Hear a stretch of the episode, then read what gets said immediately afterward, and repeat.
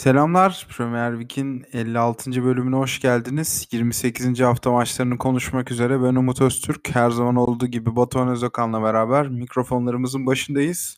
Çok acayip bir hafta oldu. Her programın girişinde demem bunu kolay kolay ama hakikaten gerek maçları, gerek atılan goller, gerek bireysel performanslar, gerekse hayal kırıklıklarıyla unutamayacağımız bir hafta oldu bence. Yazın muhakkak bu günleri hatırlarız. En azından bu hafta birçok takım için kırılma anları yarattı diye düşünüyorum Batuhan. Yani kesinlikle özellikle son birkaç hafta e, birkaç haftadır da böyle düşük skorlu maçlar izliyorduk. Yani bundan kaynaklı olarak da aslında ligin sonlarına doğru böyle daha skor olarak zayıf maçları ve oyun olarak biraz daha e, takımların böyle normal sezondaki ortalamalarının arkasında kaldığı maçları görmemiz mümkün olabilirdi ama aksine bu hafta inanılmaz sanki ligin daha ilk haftalarıymış gibi bir e, haftayı geride bıraktık. Yani kötü maç diyebileceğim benim çok fazla yok. Yani sadece belki skor olarak iki maç geri planda kalıyor. Onlarda da zaten oyun temposu oldukça yüksek olduğu için bence harika bir haftayı geride bıraktık ve şey kesinlikle katılıyorum senin söylediğine. Bence bu hafta e, çoğu şeyin en azından daha bitmesine ligin 10 hafta var ama e, bence çoğu şey bu hafta belli oldu gibi geliyor bana. Yani ben de şuradan alayım lafı. En düşük skorlu olan Leicester Leeds maçı veya Liverpool West Ham United maçı bile ortalama bir haftada çok iyi maç olarak sayılabilirdi. O konuda Kesinlikle. katılıyorum sana. Skorun düşük olması özellikle Leeds United adına çok yanıltıcı. Ama bu hafta herhangi bir Premier Lig maçından verim almadan kalkmanız imkansızdı. Ve bu heyecan verici haftada senin haftanın olay olarak ön plana çıkarttığın adayı alayım hemen ve başlayalım konuşmaya. Yani birkaç başlık vardı düşündüğüm buraya seçebileceğim ama bir son dakika olarak hani maçtan önce son dakika olarak e, İngiliz basınında gerildi. Sonrasında da zaten onun yansımaları hala sürüyor. Biraz İngiliz basında onu köpürtmeye devam ediyor doğal olarak. Çünkü yani bir büyük bir olay. United'daki Ronaldo krizini seçtim ben. Yani bence bu kriz Ronaldo'nun sezon sonunda ayrılışının başlangıcı olacak. Yani gelecek sezon takımda kalabileceğini çok sanmıyorum. Ee, muhtemelen bu yapı, yeni yapılanmanın e, ilk kaybı Ronaldo olacaktır diye düşünüyorum. Ya yani bence yani yönetimle ne görüştüğü ya da nasıl bir karar aldılar onu bilemeyiz. Sezon sonu göreceğiz tabii ama bence Ronaldo kendi adına en azından ayrılık sürecini başladı. Çünkü sakat dendi. Sonra Portekiz'e gitti ortaya çıktı. Yani Ronaldo gibi profesyonel bir oyuncunun ve kendine bu kadar çok iyi bakan bir oyuncunun bir anda böyle sakat işte kalça sakatlığıyla e, oynayamaması ondan sonra işte Portekiz'de ortaya çıkması biraz bence çelişkili şeyler. Yani o yüzden hani Ronaldo açısından artık United e, kariyerinin bittiğini United açısından da yeni bir başlangıcın ilk sayfası olduğunu düşünüyorum. Hı hı. Orada kriz herhalde şundan dolayı çıkmıştı. Sakat diye kadroya alınmadıktan sonra maç günü yayılan bir haberdi bu ve kız kardeşinin attığı bir Instagram storiesinde Ronaldo'nun sakat olmadığına dair bir izlenim vardı. Hı hı. Bunu aslında medya kaşımaya o maç sonunda başlamıştı. Roy Keane diye yanlış hatırlamıyorsam Ronaldo'nun sakat olduğuna inanmadığını belirten açıklamaları yapan ve Ronaldo'nun ben ayrılacağına %100 eminim. United da bunun önünde durur veya veya buna engel olmaya çalışan bir yapıda olmayacak bence. Ve Ronaldo transferinin hem yapılış açı e, yapılış süreci hem de ayrılık vaktinin gelmesi aslında United'da bazı şeylerin de değiştiğini gösteriyor bence. Mesela bir daha City'nin elinden panik hamlesiyle herhangi bir oyuncu almaya çalışacaklarını zannetmiyorum ben. Ki sezon yani, ilerledikçe benim kafamda şu da oluyor. Acaba City gerçekten United'a Ronaldo'yu bir araya getirmek için mi böyle bir şey girişti? Çünkü City yapısına da hiç uymayan bir futbolcu. Ve ben bir noktadan sonra artık Sir Alex Ferguson'dan da tavsiye almayacaklarını düşünüyorum. Biraz Ragnik'in yani, gelmesi buna yoruluyor bence. Yani o şeye katılmıyorum. Ee, bu Ronaldo'nun transferi belli olduktan sonra da e, söylenen bir konuydu. İşte City'nin elinden aldığı City'ye kaptırmamak için Ronaldo transferi yapıldı diye. Eğer Ronaldo transferi yapılmasaydı United bundan çok daha iyi olmayacaktı. Yani Ki o da çıktı bu hafta. Aslında benim de içinde olduğum bir grup Ronaldo'nun bireysel olarak United'ı belli açılardan aşağı çektiğini söylüyordu ama bu hafta hakikaten United'ın kendi kendini çektiği de belli oldu. Onu da zaten konuşuruz programın ilerisinde. Yani o yüzden hani o şeye çok inanmıyorum. City'nin elinden kaptığı City son dakika kaybetti Ronaldo'yu diye. Ben City'nin de ilgisinin o kadar yoğun olduğunu zannetmiyorum. Ortaya yani atıldı bu haberler ama ne kadar ciddiydi bu City'nin ilgilenmesi çok emin değilim ondan da. Yani Guardiola takımında oynasa nasıl bir verim verecek onu da bilmiyoruz. Teoride tam denkleme oturmuyor ama belki çok çok farklı bir verim almayı başarabilirdi Guardiola. Bunu yani spekülasyon üstünden konuşabiliyoruz sadece. Yani o yüzden o şeye çok inanmıyorum. Ee, işte City'nin elinden kaptı gitti şeklinde ama dediğim gibi e, yani United açısından bazı transferlerin yapılması gerekiyor. Zorunluluk gibi oluyor bazı transferler. Bu da sezon başında United açısından öyle bir transfer. Yani 25 milyona Ronaldo'yu hala formunun en azından belli bir bölümünü koruyabilmişken ve hala verim verebiliyorken 25 milyon Ronaldo gibi bir forvette alabilmek yani yapılabilecek transferlerden biriydi açıkçası. O yüzden çok hani o konuya eleştirim yok. Ama takım eğer bu sezon Solskjaer yönetiminde o beklenen patlamayı yapmış olsaydı yani şu an en azından yani City ve Liverpool'la şampiyonluk mücadelesi değil ama Chelsea'nin durumunda ya da o işte ilk iki sırayı tehdit edebilecek durumda olsaydı Ronaldo çok daha bence farklı bir yerde ve gelecek sezonda takımın ana karakterlerinden biri olur gibi geliyor. Yani bu işte çalkantılı süreç, menajer değişimi, artık yeni bir yapılanmanın başlaması e, Ronaldo'dan başladı gibi geliyor bana. Hı hı. Ya bana da açıkçası Ronaldo transferi günün sonunda şöyle hissettiriyor şimdi dönüp baktığım zaman. Aslında o kadar zayıf bir yönetim var ki çok fazla zaafı olan bir idare var. Ve Ronaldo'yu o takıma getirdiğinizde sadece formda bir golcü oyuncuyu getirmiyorsunuz. Çok da büyük bir egoyu getiriyorsunuz ve Ronaldo'nun gelişi takımda belli parçaların tamamını olumsuz etkiledi diye düşünüyorum. Buna Sancho da dahil. Şu anda ayrılığı gündemde olan işte Rashford'u da katabilirsiniz. Bruno Fernandes'i de belli açılardan katabilirsiniz. Kiralık giden Martial de dahildir buna. O yüzden orada bir karışıklık oldu ve ben kazançlı çıkan tarafın United olmadığını düşünüyorum en azından günün sonunda. Yani Ronaldo muhabbetini bir kenara bırakalım. Zaten maça bir noktada muhakkak değineceğiz. Ben de haftanın olayını Harry Kane'in Thierry Henry'i geçip Premier Lig tarihinin en golcü 6. oyuncu 6. oyuncusu olması seçtim. Harry Kane 176 gole ulaştı kariyerindeki ve bir sonraki hedefi de aslında çok yakın. Hatta bu hafta United'a karşı da geçebilir 177 gollü Lampard'ı yani kariyerinin sonunda nerede olacak? Ben buna çok takılmıyorum ama nasıl bir efsane izlediğimizde böyle istatistikler bize kanıtlıyor halde. Ki bu sezon hani çalkantılı başladığı bir sezonda uzun süre gol atamadığı dönemler de oldu. Yalnızca rağmen, 10 var ya bu sene.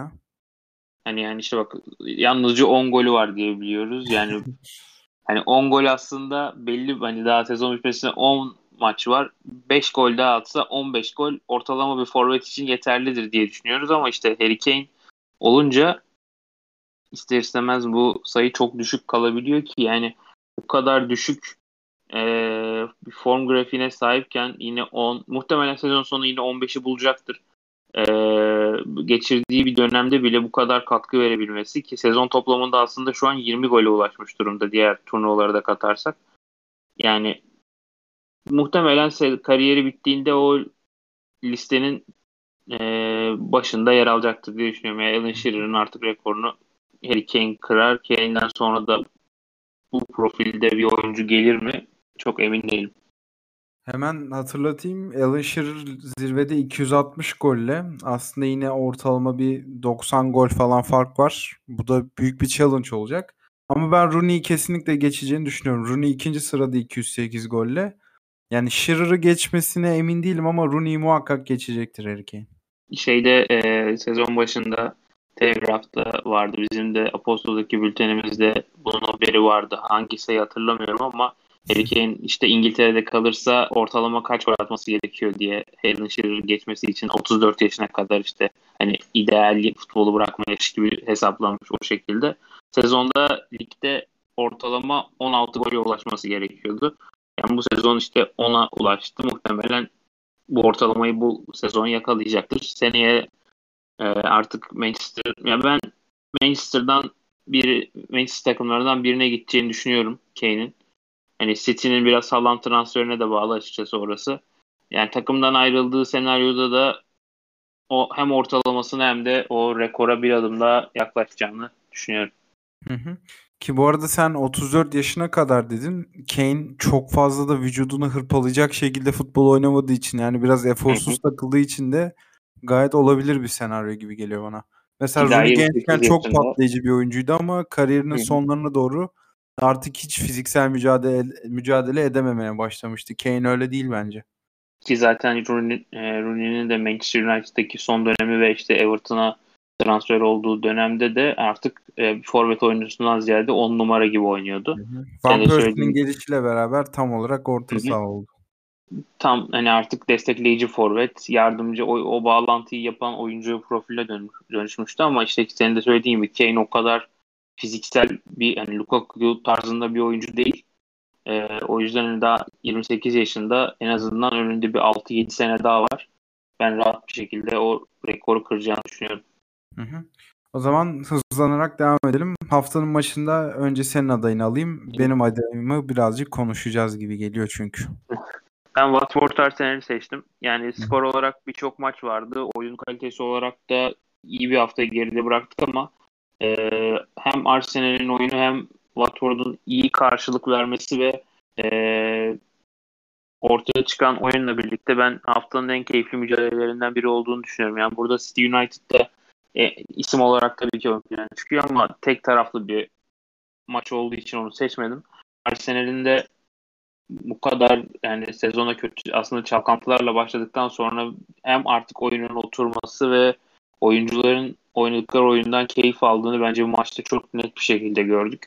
Yani çoğu şey şu anda Arsenal'de oturmuş durumda. Artık e, yaza doğru yani yaza doğru derken yaz transfer döneminde artık sadece majör parça eklemesi değil böyle en azın e, küçük parçaların ekleneceğini göreceğiz ve çok daha iyi ve çok daha farklı bir Arsenal'i önümüzdeki birkaç sezon içinde görmemizin mümkün olduğunu söyleyebilirim rahatlıkla.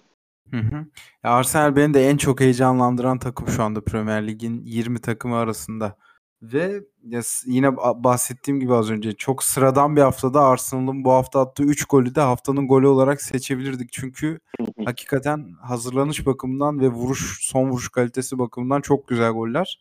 Ve Arsenal yani çaktırmadan ilk dörde girer mi, ilk dört içinde yarışmacı kalır mı falan filan derken şu anda Chelsea'nin bir maç gerisinde bekliyor. Ve bazı taraftarlar hani üçüncülük ihtimali doğar mı gibi çok ütopik bir şeyden de bahsetmeye başladılar ne olursa olsun Arsenal'ı özlediğimiz tartışmalar bunlar. Ya kesinlikle bence Arsenal'in e, bu kadar sempati kazanmasında da aslında işte bu altyapıdan eklenen ve hani işte Ramsdale altyapı değil ama sonuçta genç bir oyuncu geldiğinde ve yani işte Ben White aynı şekilde biraz İngiliz oyuncuların e, gelecek vadeden İngiliz oyuncuların eklenmesi işte Martinelli, Saka altyapıdan e, işte Enketiah'ın eklenmesi, sezon başındaki Lokongo ve Tavares transferleri hep genç bir nüveye sahip bir Arsenal var. Bunların sezon başında nasıl performans vereceğini çok kestiremiyorduk ama haftalar ilerledikçe aslında sisteme uygun oldukları bence ortaya çıktı. Yani biraz da bu genç oyuncuların gösterdiği olumlu performansla insanların Arsenal üstünde e, daha çok ilgi uyanmasına neden oluyor. Kesinlikle öyle. Ben de e, senin az önce bahsettiğin gibi Manchester United, Manchester City pardon tam tersi City United maçını ön plana çıkarttım. Yani beklediğim gibi bir maç oldu desem ayıp olur mu? Yok bence olmaz. Ben az bile olduğunu düşünüyorum. Yani ben United taraftarı olarak hani buradan gol bile atılacağını çok beklemiyordum. Yani böyle 5-6 olacağını düşünüyordum bu maçın rahatlıkla. Yani City'nin tamamen farazi konuşuyorum şu anda. Yani elinde Kane gibi bir golcüsü olsaydı muhtemelen yani bu maç e, dün Bayern Münih'in Salzburg'a yaptığının bir benzerini görmemiz çok uzak değildi bence. Yani çok şey, City 4 tane attı ama en az 4 tane de rahat kaçırdı. Yani ben burada beklenildiği gibi biraz açmak istiyorum. Çünkü benim maçtan önce işte preview serisinde yazdığım gibi falan da düşünüyordum. Ben United'ın o kadar da domine edilmeyeceğini düşünüyordum maçtan önce ama ben yazıyı yazarken ne Ronaldo'dan bu haberler vardı ne de bir kadro vardı e, taslak hı hı. olarak.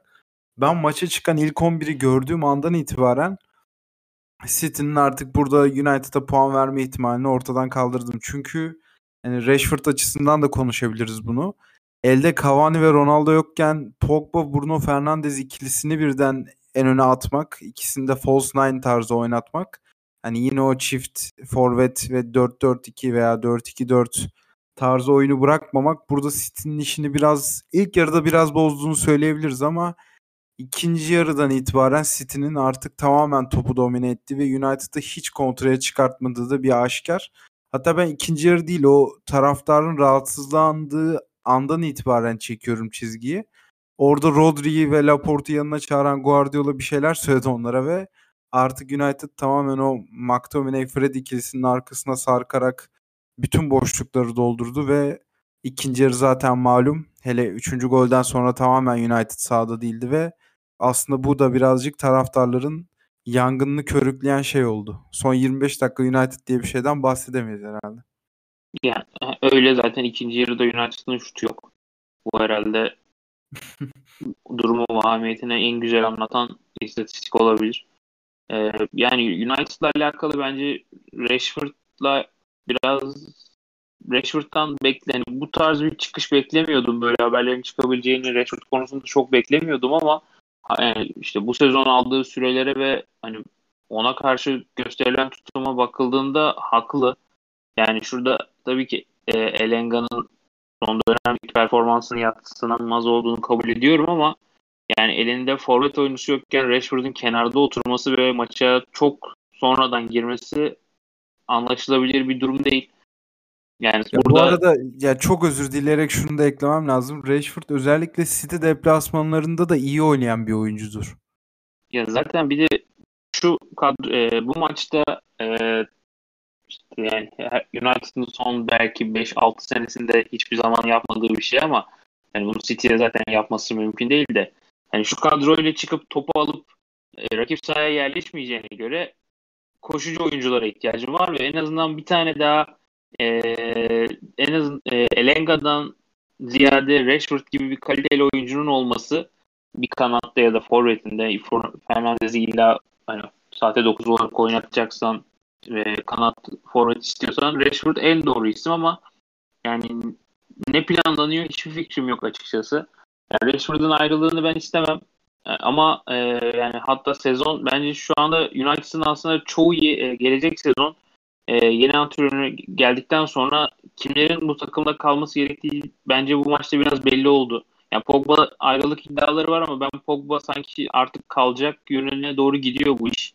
Yani Pogba, Fernandes, Sancho, Rashford bu takımı bence gelecek sezon 11'inde banko oynaması gereken isimler gibi izlenim edildi açıkçası maç sonu maç bittiğinde.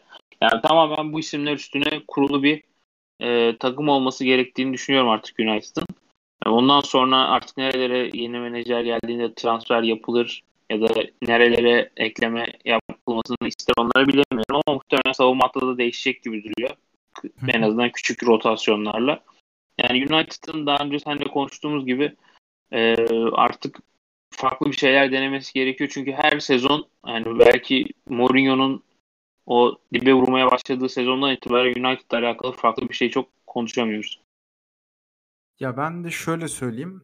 ben bu maç özellikle hani bireysel isimler üstünden de gidebiliriz. Maguire'ine baya meme olan bir karakter oldu maçtan sonra. Ve ben bu maç özelinde Bruno Fernandes'den de hiç yararlanamadıklarını düşünüyorum. Bruno Fernandes'in izlediğim en kötü maçıydı. Bu tabii ki orijinal bölgesinde oynamamasından da kaynaklanıyor olabilir ama işte ben United'ın bu maçta City'ye karşı problem çıkarmasını aslında birazcık Southampton'ı taklit edebilir gibi hissettiğimden düşünüyordum. Ama maalesef o Ragnik gelmeden önce söylenen bu kadro Ragnik'e uygun değil söylentileri de biraz daha gerçekliğe oturuyor. Bence bunların da en sembol isimlerinden biri Bruno Fernandes. olduğunu düşünüyorum ben açıkçası. Yani bilmiyorum bence... bambaşka bir şeye dönüşebilir mi hocanın elinde veya bundan sonraki gelecek hocanın elinde ama Ragnik felsefesiyle Bruno Fernandes'in profili benim kafamda hiç uyuşmayan iki öğe açıkçası. Ya, yani bence işte o kadro uyumu Ragnik'e uygun mu ya da işte oynatmak istediği oyuna bu isimler doğru yanıtı verecek mi tartışması şuradan yanlış yanlış anlaşılıyor ya da bu şuradan yanlış tartışılıyor diye düşünüyorum. Yani şimdi birazcık bu durum bence şeye de benziyor. Ee, Beşiktaş'ın içinde bulunduğu durumla alakalı. Yani Ragnik evet devam etmeyecek sezon sonu belli. Ama hala basında işte bilmiyoruz. Yeni menajerle devam etmeyebiliriz. Ragnik takımda kalabilir. Ragnik işte diyor ki sezon sonu ben uygun şartlar olursa devam etmek isterim. Yani bu net bir şekilde çizilmediği için bence oyuncu grubunda da o şey tam oturabilmiş değil. Yani deseler ki atıyorum işte sezon sonu zaten bu şekilde anlaşıldı ve kulüpten yapılan resmi açıklama da böyleydi. Yani sezon sonunda danışman rolüne geçecek diye. O zaman herkes şunu rahatlıkla söyleyebilirdi diye düşünüyorum. Yani işte tamam elinde uygun oyuncular yok ya da bu oyuncular bu sisteme uygun değil ama zaten sezonu tamamlaması için geldi. Ragnik'in rolü başka. Ama sürekli her basın toplantısında işte Pochettino mu gelecek, Tenak mı gelecek ya da başka bir isim mi e, gündemde diye tartışılıyor. Ondan sonra diyorlar ki ya da Ragnik diyor tabii ki işte ben devam ediyorum görevime. Sezon sonu bilmiyoruz. Yani o çizgi keskin bir şekilde çizilmediği için United'la alakalı hala işte kim takımı yönetecek, kim sportif direktör olacaktı. Bunlar yani sportif direktör kısmı belli ama Ragnik takımın futbol yönetimindeki aklı mı olacak yoksa yine kulübede kalmaya mı devam edecek? Bu bence hala çözülebilmiş bir e, problem ve hani kısa vadede artık zaten 10 hafta kaldı. Hani bunun bir an önce hallolması gerektiğini de düşünüyorum. Yani bu genel hatlarıyla United muhabbetine şöyle devam edelim istiyorum ben de. Yani sen az önce ikinci yarı United'ın şutu yok diye girdin istatistik bölümüne. Hı hı. Haliyle bir gol beklentisi veya gol üretimi de yok. Ve beni en çok şu detay ilgimi çekti. Lingard 26. dakikada Elanga yerine oyununa girdikten sonra yalnızca iki kere topla buluşmuş ve bu topla buluşmaların arasında toplam 16 dakika var. Yani orta bölgeye yakın bir oyuncudan bahsettiğimizi de düşünürsek bu hakikaten ikinci yarıda ortaya çıkan dominasyonu ortaya koyuyor. Yani istersen biraz da City üzerinden okuyalım maçı. Çünkü orada da hiç göz ardı edilmeyecek bireysel performanslar var. Bunların da bence başında hani De Bruyne, Mahrez gibi buna çok alıştıran isimlerden ziyade Jack Grealish geliyor. Onun da herhalde City formasının altındaki en iyi maçıydı diye düşünüyorum ben. Ya ona katılıyorum. Artık herhalde bu sezon e, doğal olarak etiketin pahalı olması sebebiyle herkesin farklı bir beklentisi vardı ama Grealish üstünden e, kötü başladıktan sonra eleştiriler de artmıştı. Fakat sonrasında özellikle son bir aylık belki bu hani kış arasından sonraki dönemde Grealish'in oyununda da bir gelişme olduğunu ve City'nin hücumunun e, çok önemli bir parçası haline gel- geldiğini rahatlıkla söyleyebiliriz. Yani evet De Bruyne ön plana çıktı ama senin yakaladığı çoğu pozisyon ve gollerin en azından bir iki tanesi yanlış hatırlamıyorsam Grealish'in e, üretiminden gelendi.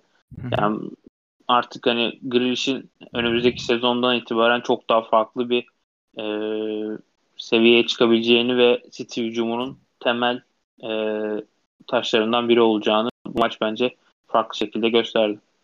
Kesinlikle öyle. Peki bu City'nin hani ne olursa olsun Big Six içindeki bir temsilciye böyle bir dominasyon kurması şampiyonluk yarışında ne gibi bir etki yapar? Yalnızca bir 3 puan olarak yorumlayamayız herhalde bu maçı. Yok. Yani artık şu puan farkı kapandıktan sonra e, her takımın yani Liverpool ve City'nin oynayacağı her maç farklı şekillerde e, yorumlanmaya açık. Yani Liverpool'un da bir maç eksiği var ve yani o da oynandıktan sonra 3 puana e, düş yani kazanırsa 3 puana düşecek ki çok farklı bir yere gidebilir sezon sonuna doğru. Yani ben şu Big Six konusunda artık bence oranın da kendi içinde bir üçe ayrıldığını rahatlıkla söyleyebiliriz diye düşünüyorum. Yani orada Tottenham, Arsenal ve United'ın o diğer üçlüye göre çok çok geride olduğu bir durumla karşı karşıyayız. Yani Arsenal çok sivrilmiş gibi gözüküyor en azından şu Tottenham e, United'a nazaran ama onların da şu an en iyi oyunu bile yani yukarıdaki üçlüye yakın değil. Ya B ee, sınıfının en iyi temsilcisi Arsenal diye kesin, özetleyebiliriz. Kesin, şu an kesinlikle öyle. Yani eksik maçlarını kazandıklarında işte ne o yani Chelsea'nin önüne geçme ihtimalleri Chelsea'ye 2 puan kalıyor eksik maçını kazandığında. Yani senin de söylediğin gibi o diğer üçlünün B grubunun en iyisi ama hala bir kopukluk var arada. Yani o yüzden hani bu gru, e, yukarıdaki üçlünün diğer üçlüye aldığı karşı aldığı galibiyetler bence o kadar artık çok büyük önem atfetmiyor gibi geliyor bana. Hı hı. Ama yani o zaman da rekabetçi bu en yüksek 3 takım için rekabetçi 2 maç kalıyor. Bu United hı hı. maçları da hani biraz daha böyle pohpohlamak için eklenebilir diye düşünüyorum ben de açıkçası. Bir de ya maç işte sonunda bu... tabii onu da konuşmadan geçmeyelim. Maç sonunda e, çalgı ekibinin lideri Roy Keane aldı sazı eline ve bodoslama girdi Manchester United kadrosundaki oyunculara. Hani burada birçok alt başlık var ama en ön plana çıkanı şey oldu. Hani 5 veya 6 tane diye hatırlıyorum. Bazı Manchester United oyuncuları bir daha United için forma giymemeli diye bir açıklaması var. Bunun da poster çocuğu herhalde Harry Maguire yine maçtan sonra çok konuşuldu. Ve Roy Keane'in de bahsettiği isimlerden biri olduğunu tahmin ediyorum diyeyim. Yani Telegraph'ta bir yazı vardı. United eğer yeni bir e, inşaat, süre, inşaat sürecine girecekse önce Harry Maguire'ı takımdan göndermeli şeklinde. Yani artık e, gel, Leicester'dan geldiği dönemki performansının çok gerisinde ve sanki o yavaşlığı artık sorun olmaya başladı diye düşünüyorum United'a e, eksi yazmaya başladı Maguire'ın yavaşlığı ve yani Rafael Varane'ın da e, yani çok beklentinin, beklentinin çok çok altında kaldığı bir sezon geride bırakmaya doğru gidiyoruz. Yani bu maçta oynamadı işte belli birkaç e, bir iki ay e, sakatlığı sebebiyle yoktu. Yani onun da durumu ne olacak? Büyük bir beklentiyle geldi aslında. Maguire, kağıt Maguire ve Varan bence çok iyi bir ikili ama bu kadar temponun yüksek olduğu birlikte bu iki isim de birazcık yavaş ve zayıf kalıyor diye düşünüyorum. Kesinlikle öyle. Ve günün sonunda elde olan şey yine post Ferguson dönemindeki en iyi kadro olarak adlandırılan kadronun da bir revizyona gitmesinin şart olduğu United adına bir hayal kırıklığı sezon daha geride kaldı veya kalmakta diye geçelim istersen United muhabbetine. Umarım Ve... bu orta saha ikilisini değiş son son kez izlediğimiz sezon olur diye umut ediyorum. Ya ben aslında bu maç özelinde McTominay'ı en çok beğendiğim isim olarak ön plana çıkartabilirim. O, ne, o orta saha ikilisinden biri ama tabii United'ın hayal ettiği seviye içinde McTominay bile etkisiz bir oyuncu kalabilir ona da katılıyorum. Yani yanında iki tane iyi isim olur. McTominay üçüncü olarak oraya eklenebilir ama Fred'le birlikte taşımıyor. Yani Fred e, mesela e, demin şeyi konuştuk. Ronaldo City'nin elinden aldığı işte United diye. Ama Fred de aynı şekilde Guardiola'nın şaklardayken istediği oyuncuların başındaydı. Sonrasında yanlış hatırlamıyorsam Fernandinho ya da Rodri transferi mi olmuştu? Çok emin değilim. Fernandinho bayağı önce diye hatırlıyorum ben. Rodri olabilir oradaki isim. Fred'i alamayınca Rodri'ye dönmüştü City. Yani mesela Fred'i o kadar e, o dönemden hatırladığım kadarıyla City bitirdi. Guardiola çok istiyor diye e, çıkmıştı. Yani City gerçekten o transferi bitirme noktasına gelmiş. Ronaldo'dan da fazlaydı o transferin bitme ihtimali. Sonrasında bir anda United aldı ama hani yani işte hani belki Ronaldo'dan ziyade Fred esas tartışılması gereken konulardan biri olabilir. Kesinlikle. Neyse tadımızı kaçırmadan bu mükemmel haftayı üzerine konuşmaya devam edelim. Haftanın sürprizinde ben Aston Villa'nın Southampton'a karşı kurduğu dominasyonu ön plana çıkartıyorum. Aslında bu dominasyonu birazcık yanıltıcı hale gelebilir. Çünkü Sor bence sahadaki futbolun çok da yansıması değildi. Özellikle ikinci yarıda Southampton biraz nabız verdi Aston Villa'ya karşı ama herhalde Southampton'da da devamlı konuştuğumuz aynı 11 ile devam ediyorlar. Bu maçta birazcık patladı. Çünkü hem mental hem de fiziksel olarak çok yorgun hissettim ben Southampton'ı ilk yarıda. Ve Aston Villa gibi enerjik bir deplasmanda çok da etkili olamadılar ki Hazenhüttl da maçtan sonra aynı şeyi söylemiş. İlk yarıda bizden çok fazla enerjiktiler ve çok daha fazla istediler. ki kendine de bir eleştiri yapmış. O da çok hoşuma gitti benim. Hani Coutinho'nun çok fazla boşluk bulduğunu ve bu plana karşı hazırlıklı olmadıklarını söyledi. Burada da herhalde Buendia'nın yedek kalıp Danny Ings'in Watkins yanına atılıp Coutinho'yu tek on numara olarak bırakmak Southampton'ı bayağı bozguna uğratmasını sağladı Aston Villa'nın. Burada taktiksel bir kredi verilebilir herhalde Gerrard'a. Yani katılıyorum. Özellikle Coutinho inanılmaz bir oyun geride bıraktı. Yani geldiğinden beri bu iki ya da üçüncü maçı bu şekilde çok yüksek performans sergiledi. Ama bu maç özelinde şuna daha fazla katıldığımı söyleyebilirim senin söylediğin. Hani işte birazcık geriye sarmak gerekirse 15 e, Ocak'ta oynanan Wolverhampton maçın kaybedilen Wolverhampton maçından sonra iki FA Cup maçı var. Biri West Ham'a karşı. İkisini de kazandığı bir e, Coventry'yi yendi. Southampton bir de West Ham'ı yendi. Sonrasında oynadığı maçlar City, Tottenham, United, Everton bir tane Norwich maçı var. Norwich çok o kadar Southampton'ın seviyesine koymaya gerek yok ama kalan maçları düşündüğümüzde hem taktiksel hem de mental açıdan yorucu maçlar bunlar. Özellikle City ve Tottenham yani City'den puan aldı içeride Tottenham'ı sürpriz sayılabilecek bir galibiyetle devirdi. Hı. Aynı şekilde United deplasmandan da iyi bir puan çıktı. Yani Everton'da yeni bir menajeriyle farklı bir şeyler denediğini de düşünürsek aslında o da zor bir maçtı. Yani bu kadar yoğun bir geçen bir, bir buçuk aydan sonra hani böyle bir tane sonucun olması bence normal. E, zaten maç içinde de hiç o kadar yoğun bir e, reaksiyon verdiğini söyleyemeyiz Southampton'ın. Belli bölümlerde skora tepki gösterildi ama e, Aston Villa çok çok fersah fersah bu maçta Southampton'ın önündeydi. Kesinlikle öyle ki Southampton'ın da hani bu bahsettiğim fikstürden sonra bir de kolay fikstürün gelmesi lazım matematiksel olarak. Öyle bir döneme giriş yapıyor. O açıdan çok da tepe taklak olacağını düşünmüyorum. Ama hakikaten Aston Villa'yı bu hafta ben çok beğendim. Ki yani Metin Keş'e de bir parantez açmak lazım. İki hafta önce de gol atmıştı. Bu maçta da çok etkiliydi. Ben en çok onu beğendim. Yani Southampton'ın şeyi e, fikstürü bundan sonraki bir, gene biraz tehlikeli sayılabilecek bir fikstür. Hani Newcastle var, işte Watford var. Hani onu kazanabilirler ama sonrasında Chelsea, City ile FA Cup, Chelsea, Leeds bunlar da birazcık e, son ligin sonuna doğru Southampton'da bir düşüş görmemize neden olabilir. Aston Villa'dan da senin de söylediğin gibi Matty Cash yani Gerrard'ın herhalde e, yeni sistemi yani Gerrard sisteminin en önemli oyuncularından birine dönüşmüş durumda.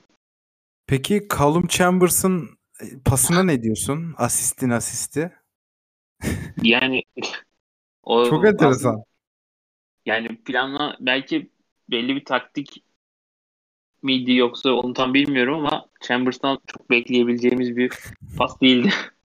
Yani kesinlikle öyle. Bu da bir taktikse burada ikinci bir taktiksel krediyi Gerard'a vermek lazım. Çünkü Chambers'a o pası attırmak her baba yiğidin harcı değildir. Senin sürpriz adayını alayım. Ya benim sürpriz adayım Tottenham'ın farklı galibiyeti oldu. Yani evet. Conte'nin bu kadar şikayet ettiği bir hava hakimken bir anda böyle inanılmaz bir dominasyon ve 5 gollü galibiyet ki burada da City maçında söylediğimi söyleyebilirim. 5 e, hani 15 de olabilirdi burada. Evet. E, yani inanılmaz bir oyun yoğunluğu gördük Tottenham ve hani aktı gitti resmen Tottenham. O yüzden benim bu hafta şaşırdığım belki tek sonuç bu olabilir. Hı hı. Ya ben Crystal Palace'ın Wolverhampton'ı yenmesine de çok şaşırmıştım ama hakikaten hiçbir skor Tottenham'ın X bir takıma karşı 5-0 kazanması kadar şok edici olamaz benim için. Çünkü yani Tottenham yapı olarak bir takıma 5-0 üstünlük kurabilecek bir takım değil gibi geliyor bana. Burada hani Everton'a da bir pay vermek lazım. Çok özel bir başarı Tottenham'dan 5 gol yemek. Ve bunu çok eforsuz yapmaları beni çok etkiledi. Aynı zamanda şöyle de bir şey var bireysel olarak geriye giden bir tane bile oyuncu yok ve ön alandaki o beşlinin hepsinden gol katkısı aldı bu hafta Tottenham. Yani Matt yani, Doherty'yi tabii ki konuşuruz programın ilerisinde ama o Kulüşevski, Son, Kane üçlüsü hakikaten başka bir seviyeye getirmiş gözüküyor şu anda Tottenham'ı ve yani maçın son yarım saatinde maç 5-0 iken Mikolenko'yu aldı oyuna. O da 5'liye döndü Lampard. Yani onu da yapmasaydı bu maç hakikaten çok farklı bir yere gidebilirdi. Tabii ki orada biraz da Tottenham kontak kapattı. Sonu falan kenar aldı ama hakikaten haftanın en enteresan sonuçlarından birini ortaya çıkarttı Tottenham. Yani e, Leeds maçı sonrasında bu maç bence Conte'nin o sisteminin e, en net şekilde uygulandığı maçlardan ikisi oldu. Yani Conte'nin işte Chelsea'deki 3-4-3'ünü ve kanat beklerin kullanımını düşündüğümüzde burada nasıl bir şey ortaya çıkacağını açıkçası çok kestiremiyorum. Çünkü hani işte sol tarafta onu bu oyunu destekleyebilecek isimler var ki Sesenyon bence ilerleyen dönemde artık e, bu takımın değişme isimlerinden biri olacak ki bundan çok mutluyum. Yani Sesenyon'dan çok şey bekleyen biriydim ve tekrar bu seviyeye çık, rahat şekilde çıkıyor olması sevindirici ama senin de söylediğin gibi diğer tarafta Doherty bunu çok doğru karşılayamıyor. Yani Wolverhampton'da da üçlünün bir kanat bekiydi ama Tottenham'a geldikten sonra inanılmaz bir düşüş yaşadı ve hani tekrar herhalde sezon sonu Wolverhampton'a ya da başka bir takıma Wolverhampton'a döner ya da başka bir takıma giderse çok şaşırmayacağım diye düşünüyorum. Hı hı. Kesinlikle. Geçelim haftanın takımına. Burada yine senin adayını alayım. Sonra benim çok da ekleyeceğim bir şey yok zaten adayıma. E, Arsenal'i seçtim. Yani bence bu maç e, yani program başında da uzun uzun konuştuk. Hani Arsenal şeyde e, maç e, haftanın maçını da seçtiğimiz için hani ben oraya e, Arsenal ile ilgili çok konuştum ama çok ekstra bir şey yapmayacağım ama sadece şunu söyleyeyim Arsenal ile alakalı. Yani yeniden inşa edilen bir takımın bence artık evet doğru yolda ilerliyorlar dediğimiz maç bu oldu diye düşünüyorum. Hı hı.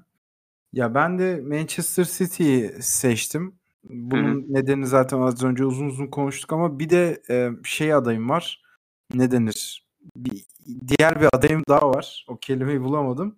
Ben Newcastle United'ı da çok beğendim bu hafta ve Newcastle Hı-hı. United hani kalabilirler mi acaba derken çok düşük ihtimalden şu anda ligi ilk 10 sırada bitirmeye doğru adım adım ilerliyor ve burada bence en etkileyici kısım hani herkesin beklediği gibi bir yatırım yapıldı, kadroya yıldızlar yağdı da takım yükselmeye başladı gibi bir durum da yok. Mesela bu hafta çıkan ilk 11'de Dan Burn, Matt Target ve Chris Wood dışında hiçbir parça yok ilk 11 başlayan transfer. Ve bu 3 oyuncu da herhangi bir Premier Lig takımının yapabileceği hamleler diye düşünüyorum.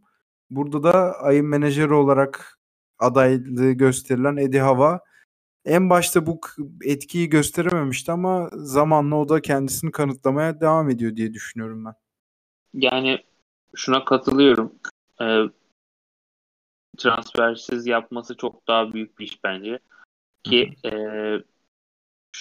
şu e, ve işte senin de söylediğin gibi bu maçta 3 tane isim vardı ama zaten hani Newcastle'ın o Steve, sezon başındaki durumu e, durumla şu anki durumu karşılaştırdığımızda en büyük yani transferden ziyade en büyük değişen şey oyun e, yapısı olduğunu rahatlıkla söyleyebiliriz. Yani Newcastle'ın gerçekten artık bir şey ortaya koyduğunu ve rakiplerine karşı bir şey oynamaya çalıştığını, üstünü kurmaya çalıştığını, farklı bir kimlikte oynadığını rahatlıkla görüyoruz. Yani Howe'un bir şeyler yapması bekleniyordu ama bence bu kadar üst yani bence üst düzey bir iş yapıyor şu anda. Yani geldi muhtemelen takımı ligde tutmayı başaracak büyük bir sürpriz olmazsa. ee, ve ilerleyen dönemde de artık hani daha da iyi hamlelerin, daha da fazla hamlenin yapılmasıyla yani Eddie Howe bu takımı çok daha iyi yerlere getirebilir. Kesinlikle öyle. Bu arada yani Eddie Howe'ın da Ryan Fraser'ı tekrar 3-4 sene öncesi gibi tekrar bir performans atlatması da hakikaten unutulmaz bir menajer futbolcu ilişkisine doğru götürüyor onları. Fraser da geçen ayın en çok konuşulan isimlerinden biri oldu. Bu hafta da bir gol bir asistlik performansla maçın kilit adamı oldu diyerek geçelim. Haftanın futbolcusuna gelelim. Haftanın futbolcusunda ben önce bir adayları saymak istiyorum. Çünkü çok kalabalık bir liste var. Matt Doherty az önce bahsetmiştik. Harry Kane, Ivan Tony hiç bahsetmedik ama bir hat-trick yaptı Norwich'e karşı ve Brentford'a kısa süreli bir nefes vermiş olabilir. Onun dışında Bukayo Soka inanılmazdı. Ryan Fraser az önce söyledim. Zaha, Trent gibi adaylarımız var. Ki bu liste uzar gider. Yani Ödegaard vesaire de dahil olabilir ama bu hafta herhalde Kevin De Bruyne'nin haftasıydı diye düşünüyorum ben. katılıyorum. Yani keşke keşke derken hani City'yi destekliyormuşum gibi olmasın da e, hat-trick yapıp bir de hani o derbide işte 50 yıldı galiba 50 yıl sonra hat-trick yapan ilk oyuncu rekorunu hani kırmış olsaydı yani en azından ona öyle oyununu da o şekilde taşlandırabilme şansı olsaydı diye düşünüyorum. Yani Kevin De Bruyne çok fazla hani mükemmel oynadı ya da çok büyük analizler yapmaya gerek yok. Yani bu takımın e, en büyük yıldızı yani bu e, bundan sonra gelecek transferler de çok değiştirebileceğini sanmıyorum. Yani Kevin De Bruyne'nin çıktığı denklemde City'nin de çok büyük bir yani bence yarı yarıya bile sayılabilecek düzeyde oyun kalitesinin düşebileceğini söyleyebiliriz. Ee, çok e, kendinden zayıf bir rakip olmadığı sürece. Yani bu takımın en önemli parçası ve işleyen sistemin en büyük çarkı Kevin De Bruyne'den başkası değil. Hı hı. Ya bazen bu az solistliği bırakabiliyor işte. Geçen sene İlkay'a bırakmıştı. Bu senenin başında Sterling'i, Bernardo'yu, Cancelo'yu söyleyebiliriz ama hakikaten böyle highlight anlarda bu takımın en büyük oyuncusu olduğunu hakikaten gösteriyor ve büyük maçları hiç kaçırmıyor ya. Çok acayip. Yani yani illa hani e, işte Sterling bu sezon çok patlama yapmıştı gol ve asist olarak işte geçen sene ilk ay inanılmaz bir seviyedeydi ama hani illa Kevin De Bruyne'den gol katkısı ya da asist katkısı çok büyük oranda beklemek tabii ki yani en azından çift tanelere gelmesini bekleye- beklemek gerekiyor ondan. Yani toplamını diye düşünüyorum, söylüyorum. Yani en az bir toplam gole katkı De Bruyne'den 10 olmalı ama onun haricinde de işte sağ lideri dediğimiz kısımda hani ilk ay ya da başka isimler gibi gözükse de en önemli parça Kevin De Bruyne. Hı hı. Bu arada yani bu uzattığım listeyi şöyle de genişletebilirim. Chelsea'den hiç kimseyi yazmadığımı fark ettim. Bu hafta benim en beğendiğim oyunlardan biri oldu Chelsea'nin oynadığı ve için tekrardan en iyi seviyesine geldiğini düşünüyorum. E tabii ki Reece James'ten de bahsetmek olmaz. Chelsea'nin bir numaralı gol ayağı şu anda. Reece James. Yani bu işte onun yokluğunda Chelsea'nin yaşadığı zor sorunları çok net bir şekilde gördük yani. Chilwell aynı şey Chilwell'de de geçerli. Yani onun çıktığı denklemde nasıl zorlandığını gördük ama işte Rhys James'in gelmesiyle birlikte Chelsea de farklı bir yapıya kavuştu. Yani Tuchel'in oynattığı işte sistemi de düşündüğümüz zaman bu üçlü savunmaların e, olduğu oyna, üçlü savunma oynayan takımlarda en önemli şey kanat bekler. Yani diğer tarafta bu maçta Saul oynadı. Burada evet onu da soracaktım sana şimdi. Yani bu maçta da Rhys James döndü. Muhtemelen Rhys James'in olmadığı bir senaryoda bu kadar rahat herhalde dönmezdi bu maç ikinci yarıda. Hı hı. Ee, yani onun bireysel performansı ve yarattığı etkiyle aslında bir yandan Chelsea böyle farklı bir galibiyeti uzandığını söyleyebiliriz. Ha, bu arada yani Chelsea özelinde şöyle de bir şey ekleyelim. Lukaku yine dakika almadı ve Havertz de gollerine devam ediyor. Bir noktadan sonra artık 9 numara A takımda da Havertz olacak gibi gözüküyor şu anki formuyla. Yani Lukaku ile alakalı gerçekten yoruldum ben. Yor, yani biraz United'daki son senesine döndüğü iş. Yani daha ilk senesi bu. ikinci döneminin ilk senesi burada. Yani gideceksen git Inter'e ne yapıyorsan yap orada. Yani yani e, bu kadar şey, acita acite edilmesinin biraz saçma geliyor bana. Yani sanki burada çok büyük bir e, Lukaku'ya yönelik şey var. E, tepkiler ya da işte inanılmaz bir e, üstü, yani onunla alakalı işte süre alamıyor ya da oyun işte istediği gibi olmuyor. Alınan sonuçlar kötü. Her şey sanki e, onun ondan bekliyormuş gibi bir algı var. Yani işte onsuz da takımın tıkır tıkır istediği net bir şekilde ortaya çıkıyor. Yani tabii ki onun olduğu denklem çok daha güçlü bir Chelsea'yi ortaya çıkarıyor ama onsuz da bu takım yürüyor. Yani sürekli bir şikayet artık bence yani bu birazcık e, günümüz futbolunda bana yanlış geliyor. Yani bu takımın nasıl oynadığını ya da ne oynayacağını gelmeden önce de biliyordun. E, bir anda oradan Conte ayrıldı diye ayrıldı. Yani Conte ayrılmasaydı o da orada kalacaktı. Ama bu kadar şikayet edilmesi artık bana çok doğru gelmiyor diye düşünüyorum. Anti, antipatikleştiriyor her şeyden önce Lukaku'yu. Ya bir de bu kadar hani futbolcuların tabii ki röpor, istedikleri röportajı yani ona kimse karışamaz ama hani bir aktif futbol hayatının önünde daha en azından bir 5 sene daha var ve hani işte Inter'e çok özlüyorum bir gün döneceğim oraya falan. Eskide kaldı bu konular ama hala bunun yansımalarını görüyoruz. Yani ondan sonra da işte o bıraktığın imaj kolay kolay siliniyor. Hı hı. Kesinlikle öyle. Geçen haftanın golüne ben Cucho Hernandez diyorum. Plase adayımda Douglas Luiz'in az önce bahsettiğim golü. Senin adayını alayım hemen. Ben Mahrez'i seçtim ilk golü.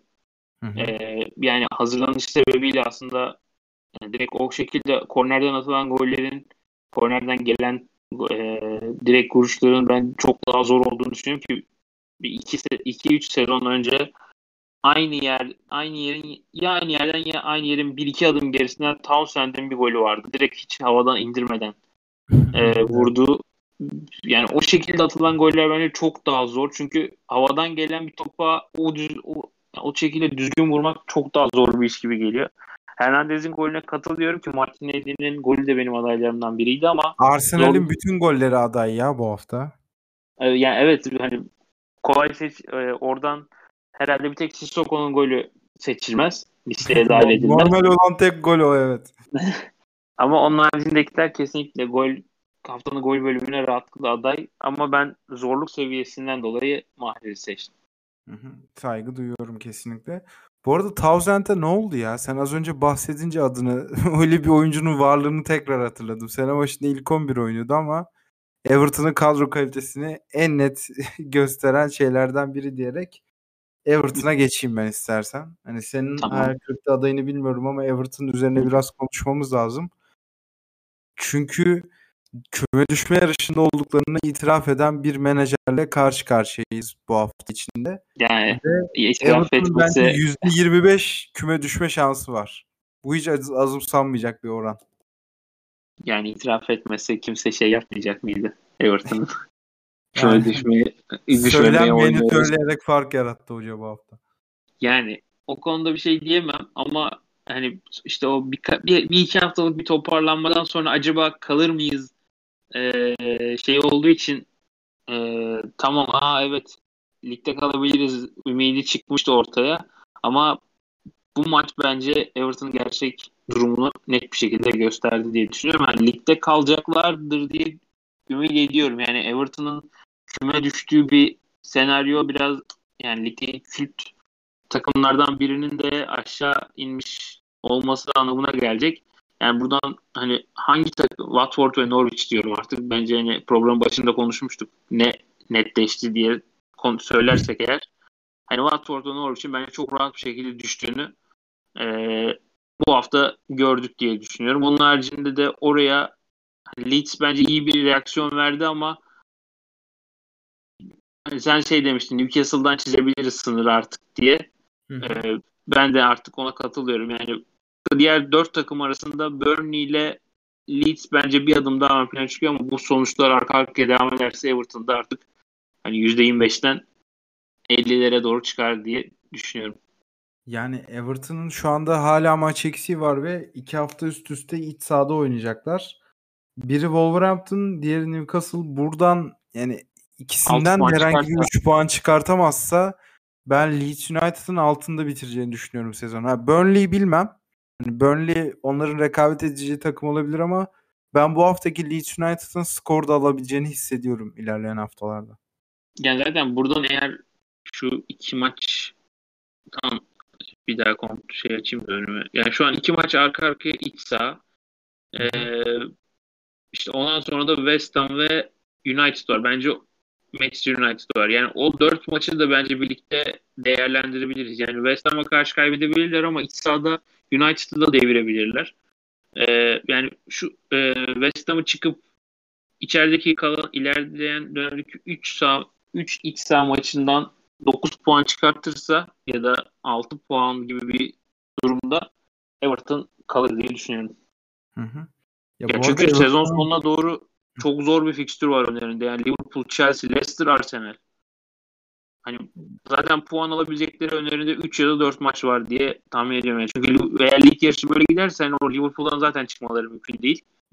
Aynı şekilde Chelsea de çok e, denkleme eklemiyorum. Onun haricinde de zaten bir Brentford maçı kalıyor. Bir de ertelenen Palace ve Redford maçları var. Yani Brentford maçı da bilmiyorum o dönemde takımların durumu ne olacak ama bir finale falan evrilebilir. Öyle de bir ihtimal Hı-hı. var.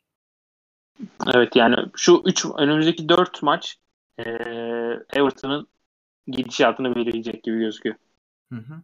Ya ben yine tekrarlayayım bu konunun öncesinde dediğimi. Wolves ve Newcastle maçlarından puan çıkartamazlarsa işleri çok sakat.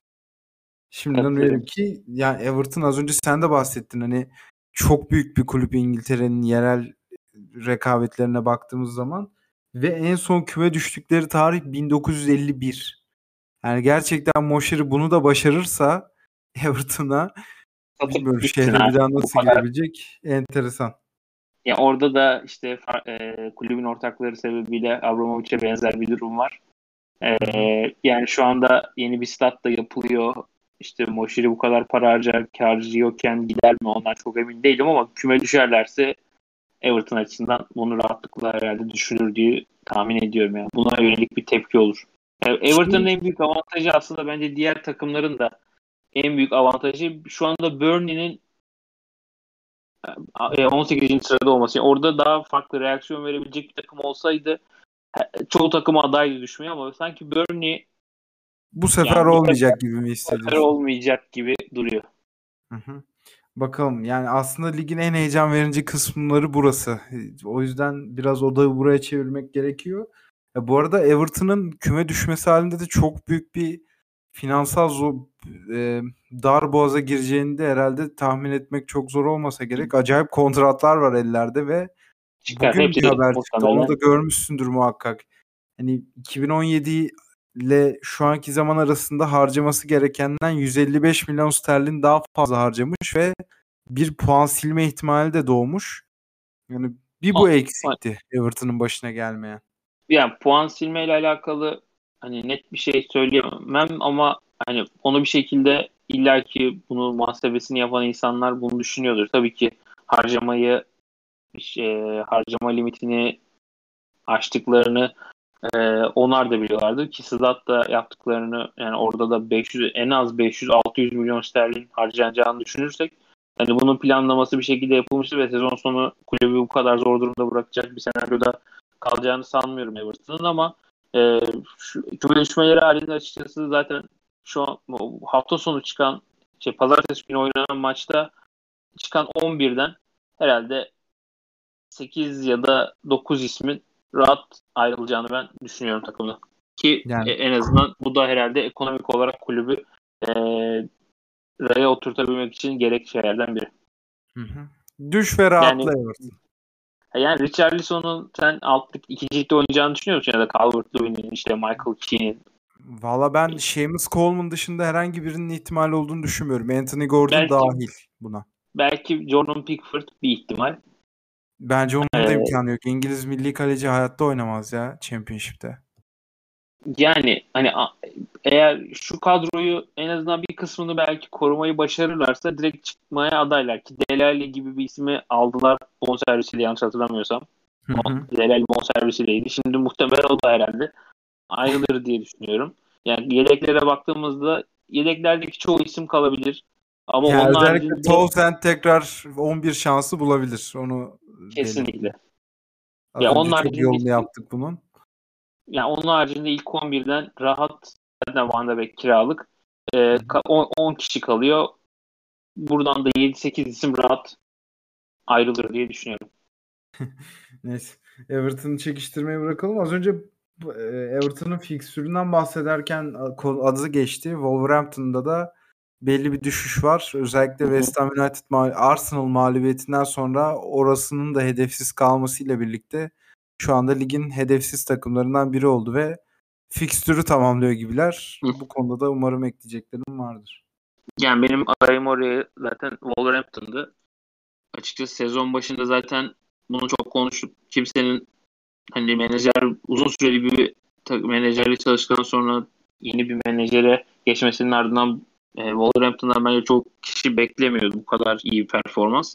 Ama ilk kötü başlayan haftaların ardından toparlamayı çok iyi başardılar ve yani sezon sonuna kadar daha önlerinde Şu anda bir maçta eksik Wolverhampton'ın ve 11 maç var. Yani oradan da alabilecekleri sonuca göre öndekilerin de performansına bağlı olarak çok daha yukarıda bitirme şansları var. Zaten orada da hani Southampton yukarıları çok daha fazla zorlay- zorlayabileceğini sanmıyorum. Avrupa Kupası ihtimalini çok denklem dışı diye düşünüyorum ama Wolverhampton bir şekilde bir sürprizle oraya aday olabilir. Bu son 3 maçtaki performansla alakalı senin söylediğin bence çok güzel bir tanım var. Yani hedefsiz kalmak bence tam Wolverhampton ve hatta Southampton'ın bile durumunu anlatan cinsten bir kelime. Ee, yani artık sezonun sonuna geldik ve bu takımlar bence baş, zaten yapmaları gerekeni yaptılar. Ligde kaldılar ve en azından şu an orta sıra garanti. Ha bundan sonra söylediğin gibi fikstür tamamlanacak. Ama bu hani Watford'la alakalı endişem e, sonuç maçtaki ortaya konan oyun. Hani o mental bir yorgunluk mu yoksa işte rakiplere karşı e, reaksiyon gösterememe mi onu bir iki maç sonra daha net anlayacağız diye düşünüyorum. Ki yani Wolverhampton'ı sezon boyu konuşurken başarılı savunma performansından falan bahsediyorduk doğru Hı hı. şekilde. Çünkü çok etkileyiciydi. Ama savunmadaki sağlamlık ne kadar etkileyiciyse hücumdaki kısırlık da bir o kadar dikkat çekici. Onlar da ligin en az, en az XG üreten takımlarından biri ve doğal olarak en az gol atan takımlarından da biri. Ve bu kısırlık son haftalarda epey kendini belli ediyor diye düşünüyorum ben. Hı hı, Katılıyorum ona. Yani e, gol yollarındaki aslında hiçbir zaman Southampton'ın biraz daha hani Premier Lig'e yükseldiği döneme baktığımızda o kadar büyük bir e, gol üretimi yapan bir takım yoktu hiçbir zaman ama şu son 3-4 hafta diyeyim hatta Leicester maçını kazandılar ama e, Onda da çok iyi oynamamışlardı. Ben izlediğimi hatırlıyorum aynen. o maçı. aynen yani o hani o 4 maçı dahil edebiliriz. O hani Tottenham galibiyeti sezonun en iyi maçlarından biriydi. Ama ondan sonraki oynanan 4 maç aslında Wolverhampton'ın da hani hücumdaki defolarının ortaya net bir şekilde çıktığı e, maçlar oldu diyebiliriz. Kesinlikle öyle. O zaman programı tamamladık. Çok teşekkür ederim eşlik ettiğin için. Ben teşekkür ederim. Biz dinleyen herkese çok teşekkür ederiz. Bir sonraki hafta tekrar görüşmek dileğiyle. Hoşçakalın. Hoşçakalın.